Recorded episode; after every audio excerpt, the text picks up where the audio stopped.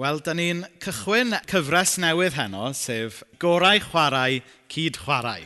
A hynna oherwydd mai dyma yw arwyddau'r tîm Pildroed Cymru. Oherwydd yr haf yma, mae tîm Pildroed Cymru yn cystadlu ym Mhemcampwriaeth Ewrop am y tro cyntaf ers 1976.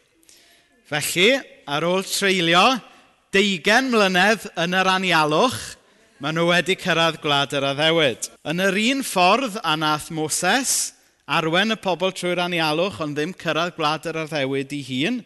I ni yn cofio falle am Ian Rush a Mark Hughes, rhai o arwyr y genedl, nath yn harwen ni trwy y dyddiau blin ac anodd, ond nawr mae gyda ni Gareth Bale, sydd wedi arwen ni allan o'r anialwch i wlad yr addewyd. A dyna lle mae'r cymariaethau yn dod i ben. ond, ond mae e'n mynd i fod y meddyliau lot o bobl, ni'n mynd i glywed lot amdano fe ar y cyfryngau, a rwyddau'r um, tîm Pildroed Cymru yw gorau chwarae, cyd chwarae. Yn Saesneg, together stronger, maen nhw'n dweud. Sydd yn um, tîm cystal ar gwreiddiol Cymraeg, ond yn anffodus hwnna i ni'n clywed mwy amdano fe dyddiau e yma. Nawr, dwi'n meddwl bod y ffreis yma, gorau chwarae, cyd chwarae, yn gallu wneud i ni ofyn cwestiynau pwysig ynglyn â'n ffydd ni, ynglyn â bywyd yr eglwys ac yn y blaen. A, a mewn ffordd, jyst defnyddio y slogan yma dwi'n gwneud tymor yma er mwyn edrych ar rai gwestiynau eraill ynglyn â dew i hun, dyna byddwn ni'n gwneud heno, ynglyn â'r eglwys, ynglyn â'n perthynas ni i'n gilydd yn hym yr eglwys. Um, I orffen y gyfres, um, mlaen ym mis gorffennaf, byddwn ni'n edrych ar y fuddigoliaeth mae Iesu wedi roi i ni. Nawr, mae'n siŵr erbyn hynny, byddwn ni angen clywed am fuddugoliaeth Iesu dros ni, achos mae'n siŵr bod Gareth Bale wedi rhedeg allan o stem. Dwi'n dangos diffyg ffydd rwan, dwi'n mwyn gwybod. um, felly dyna byddwn ni yn gwneud dros y misoedd nesaf. Ond am heno felly, dwi am i ni feddwl o gwmpas y syniad yma o fod Dyw i hun yn dîm. Nawr, beth fi'n golygu wrth hwnna? yw beth i ni'n cael yn yr adnod yma, fel i ni'n cael trwy y Beibl, yw'r syniad fod Dyw yn dad, yn fab ac yn ysbryd glân. Na i ddarllen yr adnod yma eto i chi. Cawsoch eich dewis ymlaen llaw gan ddew y tad a'ch cysegru gan yr ysbryd glân i fod yn bobl ifydd i Iesu Grist wedi'ch glanhau trwy ei waed – Dwi'n gweddio bydd Dyw yn tywch dehilion neu rhyfeddol a'i heddwch dofn arnoch chi. Wedi'ch dewis ymlaen llaw gan ddiw y tad, a'ch cysegru gan yr ysbryd, yn bobl i fydd i Iesu Grist. Nawr, beth sydd gyda ni fan hyn yw be mae Cresnogion trwy hanes wedi galw y dryndod, y Trinity.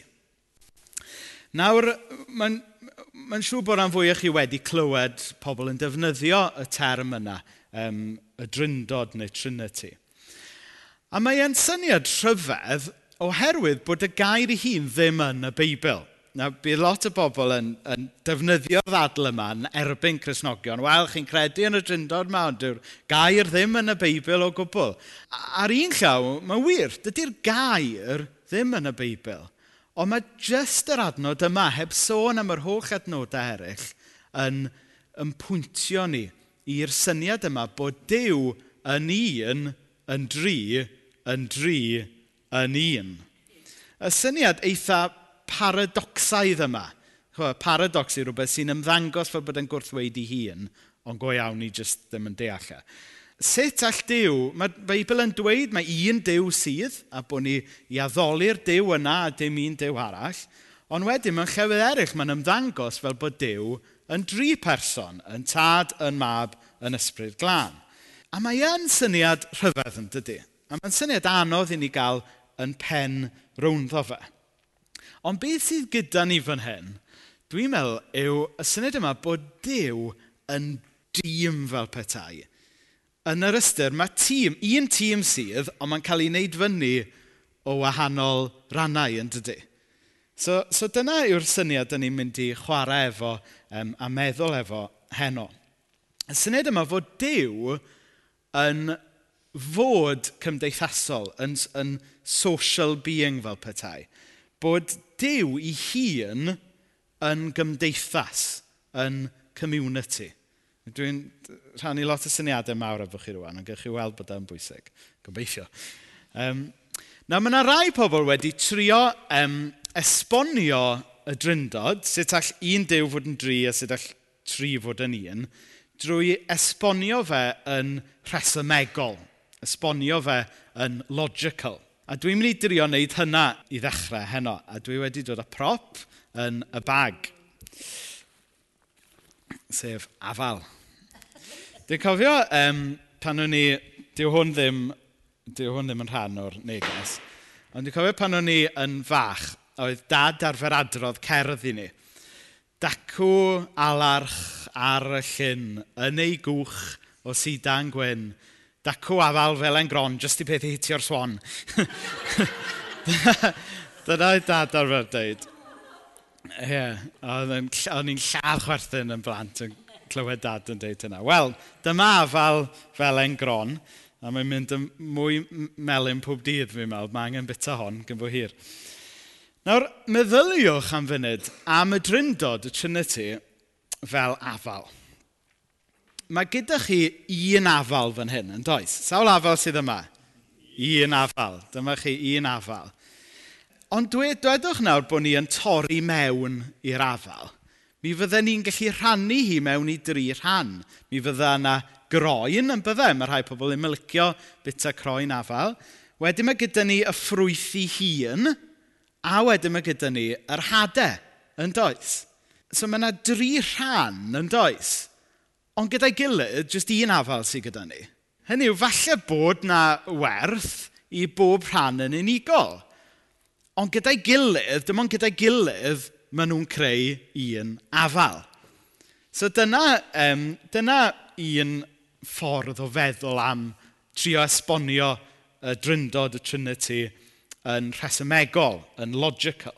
Ond dwi'n meddwl bod rhywbeth o fawredd y dryndod yn cael ei gochi jyst drwy roi rhyw esboniad eitha simplistic fel yna. So, be dwi am i ni wneud nawr ydy camu o fyd rhesymeg, o fyd logic, mewn i'r byd fwy be mae rhai pobl yn galw yn cyfriniol, neu mystical, neu dirgelwch y ffydd. Nawr, dwi'n meddwl bod dirgelwch y ffydd yn beth pwysig. Mae yna, un, mae yna hen emyn sydd yn dweud mawr iawn fydd ef rhyw ddydd – pan ddatgyddir pethau cydd. So bod yna elfennau o'r, or ffydd grisnogol, i ni'n gwybod bod nhw'n wir. I ni wedi i profi nhw hyd yn oed, ond i ni methu cweit i esbonio nhw yn rhesymegol ac yn llawn. Oherwydd bod nhw'n perthyn i'r byd ysbrydol yna, ar hyn o bryd i ni ddim cweit yn gallu esbonio yn llawn. A dwi'n meddwl falle bod na ddirgelwch fel hyn yn y dryndod. A, ma, a, a fi eisiau chi glywed, mae dweud bod yn ddirgelwch ddim yn golygu bod e ddim yn wir, neu bod yna far cwestiwn ynglyn â fe. Mae e yn wir, ond mae'n cymryd cam o ffydd er mwyn i amgyffred a'i werthfarogi fe. Hynny yw, dim ond hyn a hyn o'r ffordd y gall rhyw gimmicks efo afal fynd â ni i werthfarogi beth sy'n mynd ymlaen go iawn.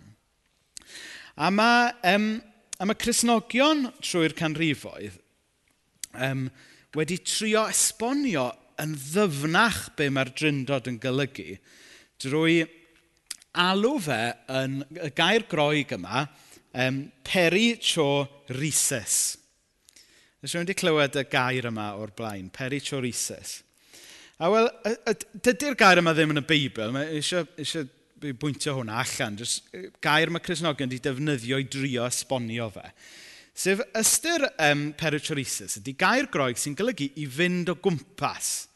Yn benodol, i ddawnsio o gwmpas. Okay?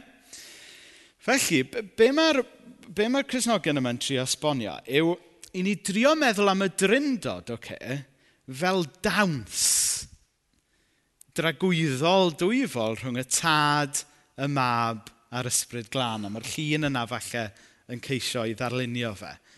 Niw un dawns sydd, ond mae tri ohonyn nhw yn gwneud y ddawns dragwyddol, dwyfol yma. Um, maen nhw'n dweud it takes two to tango. Wel, falle yn yr achos yma, it takes three to tango. um, mae gyda ni un dawns ond bod tri person yn dad, yn mab, yn ysbryd glân um, yn ei dawnsio hi. A dwi'n meddwl weithiau, mae yna rannau o'r ffydd grisnogol a gallwn ni esbonio'n eitha rhesymegol. Ond mae yna rhai elfennau o'r ffydd grisnogol, fel dirgelwch y dryndod, felly bod meddwl am ddelweddau fel hyn yn helpu ni jyst i drio gweld beth sy'n mynd ymlaen. Nawr, pam bod hyn yn bwysig, dwi wedi dod yma heno i wsio geiriau mawr jyst i'n presio chi. Wel, ydwch yn y bach, ond na, na dim go iawn. Um, dwi'n meddwl bod hwn yn bwysig iawn, y syniad yma, yr athrawiaeth yma, ynglyn a'r dryndod. Um, a dyma pam. I ni wedi cael yn creu ar lun a delw dew. I ni wedi yn creu um, ar image dew. Okay? So, os ydy dew i hun yn gymdeithasol mewn community, yna dyn ni hefyd wedi'n creu i fod mewn community, mewn cymuned yn hunain. Nawr, i, i ddechrau, mae hwnna'n wir ynglyn â pawb, nid jyst Cresnogion. Um, mae yna ma ymadro Saesneg, no man's an island. Ni yw y syniad bod ni wedi'n creu i fod efo pobl eraill. Os da ni ar ben yn hun, da ni jyst yn goroesi, ond os da ni mewn cymdeithas efo pobl eraill, dyna lle da ni yn fflyrisio. Um, a i ddweud y gwir, un o'r pethau mwyaf brawychus yn y byd yma ydy unigrwydd, ynddo fe? Um, a ddys i ar draws um, y stori anhygoel yma ynglyn â'r fam Teresa oedd yn, oedd yn dal ar hwn yn dda iawn. Um, Na i ddarllen e mas, bydwch poeni. One of my favourite stories about Mother Teresa is when an American reporter asked her which is the poorest country she had ever been to. Answering in a very Mother Teresa-like manner, she said, ah, yes, yes, yes. Ife dyna sut ydyn siarad? Dwi'n gwybod. Um, I have been to many countries and seen much poverty and suffering. Everywhere I go, people tell me of their hardship and struggles and ask for help, and I give what I can. But of all countries I have been to, the poorest one I have been to is America. Somewhat shocked, the reporter informed Mother Teresa that America was one of the richest countries and questioned how it could be the poorest. Because, she replied, America suffers most from the poverty of loneliness.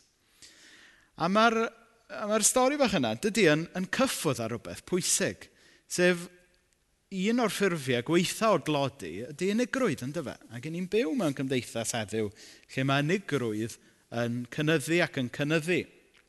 Y rheswm pam bod unigrwydd yn wael yw achos bod ni wedi'n creu i fod mewn community gyda'n gilydd, achos bod ni wedi'n creu ar-lun a delw dew sy'n mewn cymuned gyda'i gilydd yn tad, yn fab, yn ysbryd glân. So mae, e- so mae hwn yn wir yn gyffredinol. Ond gadewch i ni zoomio mewn nawr ar yr eglwys. Nawr, yn, yn yn traddodiad chrysnogol ni, da ni wedi rhoi y pwyslais ac yn gywir felly ar yr angen i bawb gael ffydd bersonol yn Iesu Grist. Dwi'n cofio, um, oedd tad cu, um, un o'r pethau nath helpu tad cu fi dod yn gristion oedd darllen taflen oedd yn dweud God has no grandchildren. Hynny yw, oedd e ddim yn gristion jyst achos bod ei fam a'i dadau'n grisnogion. Oedd angen iddo fe gael ffydd bersonol i hun yn Iesu Grist. A mae hynna'n bwysig. Ond falle bod na, drwy bwysleisio hynny, bod ni wedi cochi yr elfen cymunedol o'r ffydd grisnogol sef bod Dyw wedi yn hachub ni mewn i deulu. Bod Dyw wedi yn hachub ni mewn i gymuned.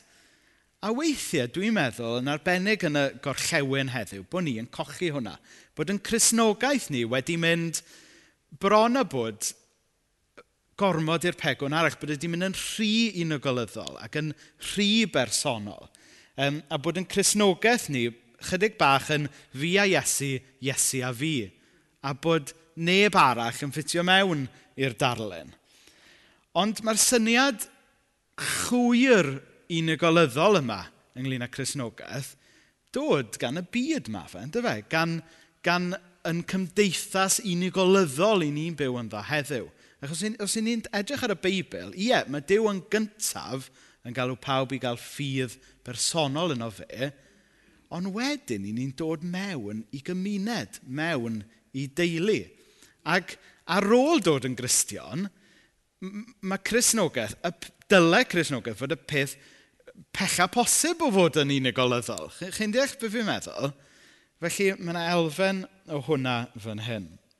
Um, oedd, oedd yna un, um, oedd yna un diwynydd nes i ddarllen, Richard Rohr, ond oedd e'n dweud o edrych ar y byd heddiw lle mae pawb yn obsessed gyda fi fy hun, oedd e'n dweud, os byddwn ni'n deall y dryndod yn well, byddwn ni yn deall beth mae'n golygu y well i fod mewn cymuned gyda'n gilydd.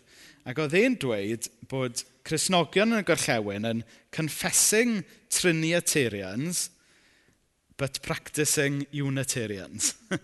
Sef bod ni'n dweud bod ni'n credu yn y dryndod, Ond mae ffordd da ni'n byw allan yn Cresnogaeth fel bod ni'n undodiad. bod ni'n anhofio bod ni'n addoli Dyw sy'n mewn cymuned ac yn galw arno ni i fod mewn cymuned. So, i ni sôn am cymdeithas, i ni sôn am yr eglwys, ond wedi dweud hynna, dwi'n am mynd i sôn am, amdano ni fel unigolion. Nawr, dwi am mynd nôl i'r syniad yma o perichoresis, bod y dryndod yn ddawns ddwyfol. So'r her bersonol dwi eisiau rhoi i bob un ohono ni, ydy ni wedi ymuno ar ddawns. Hynny yw, nid bod ni obviously, yn gallu cyrraedd lefel diw, nid dyna dwi'n golygu. Ond ydy ni wedi dysgu i ddawnsio i'r un gan ar ddawns. Nawr, un o'r pethau dwi'n cysau, mae rhai mi gyfaddau, ydy dawnsio. um, yn yr adegau pryn hynny, dwi wedi ffeindio hun mewn clwb nos, dwi wedi cadw ddigon pell o'r dance floor. Um, mewn priodasau, dwi'n cadw i ffwrdd o'r disgo a'r dawnsio gwerin a rhyw bethau fel yna. Not my cup of tea. Um, yn reddfol, dwi ddim eisiau ymuno ar ddawns.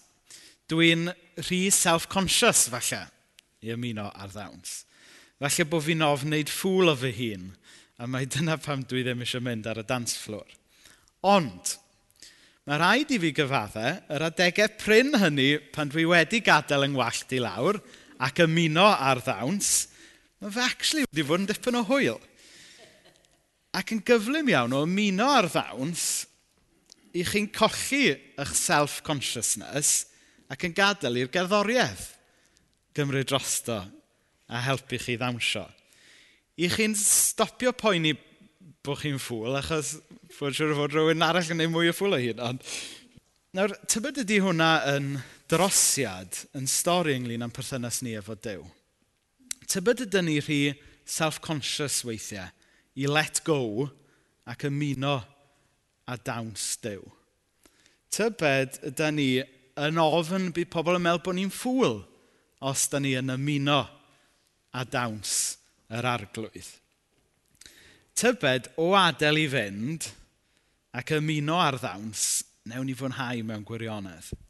Dwi'n licio'r syniad yma, peri chorisis, ynglyn â Dyw yn dad yn fab yr ysbryd glan mewn dawns gyda'i gilydd er yn lles ni. A mewn dawns gyda'i gilydd ac yn yn gwahodd ni i, i ddawnsio'r ddawns fel petai. Nid yn llythrenol iawn. Um, Wel, falle. Gan i weld.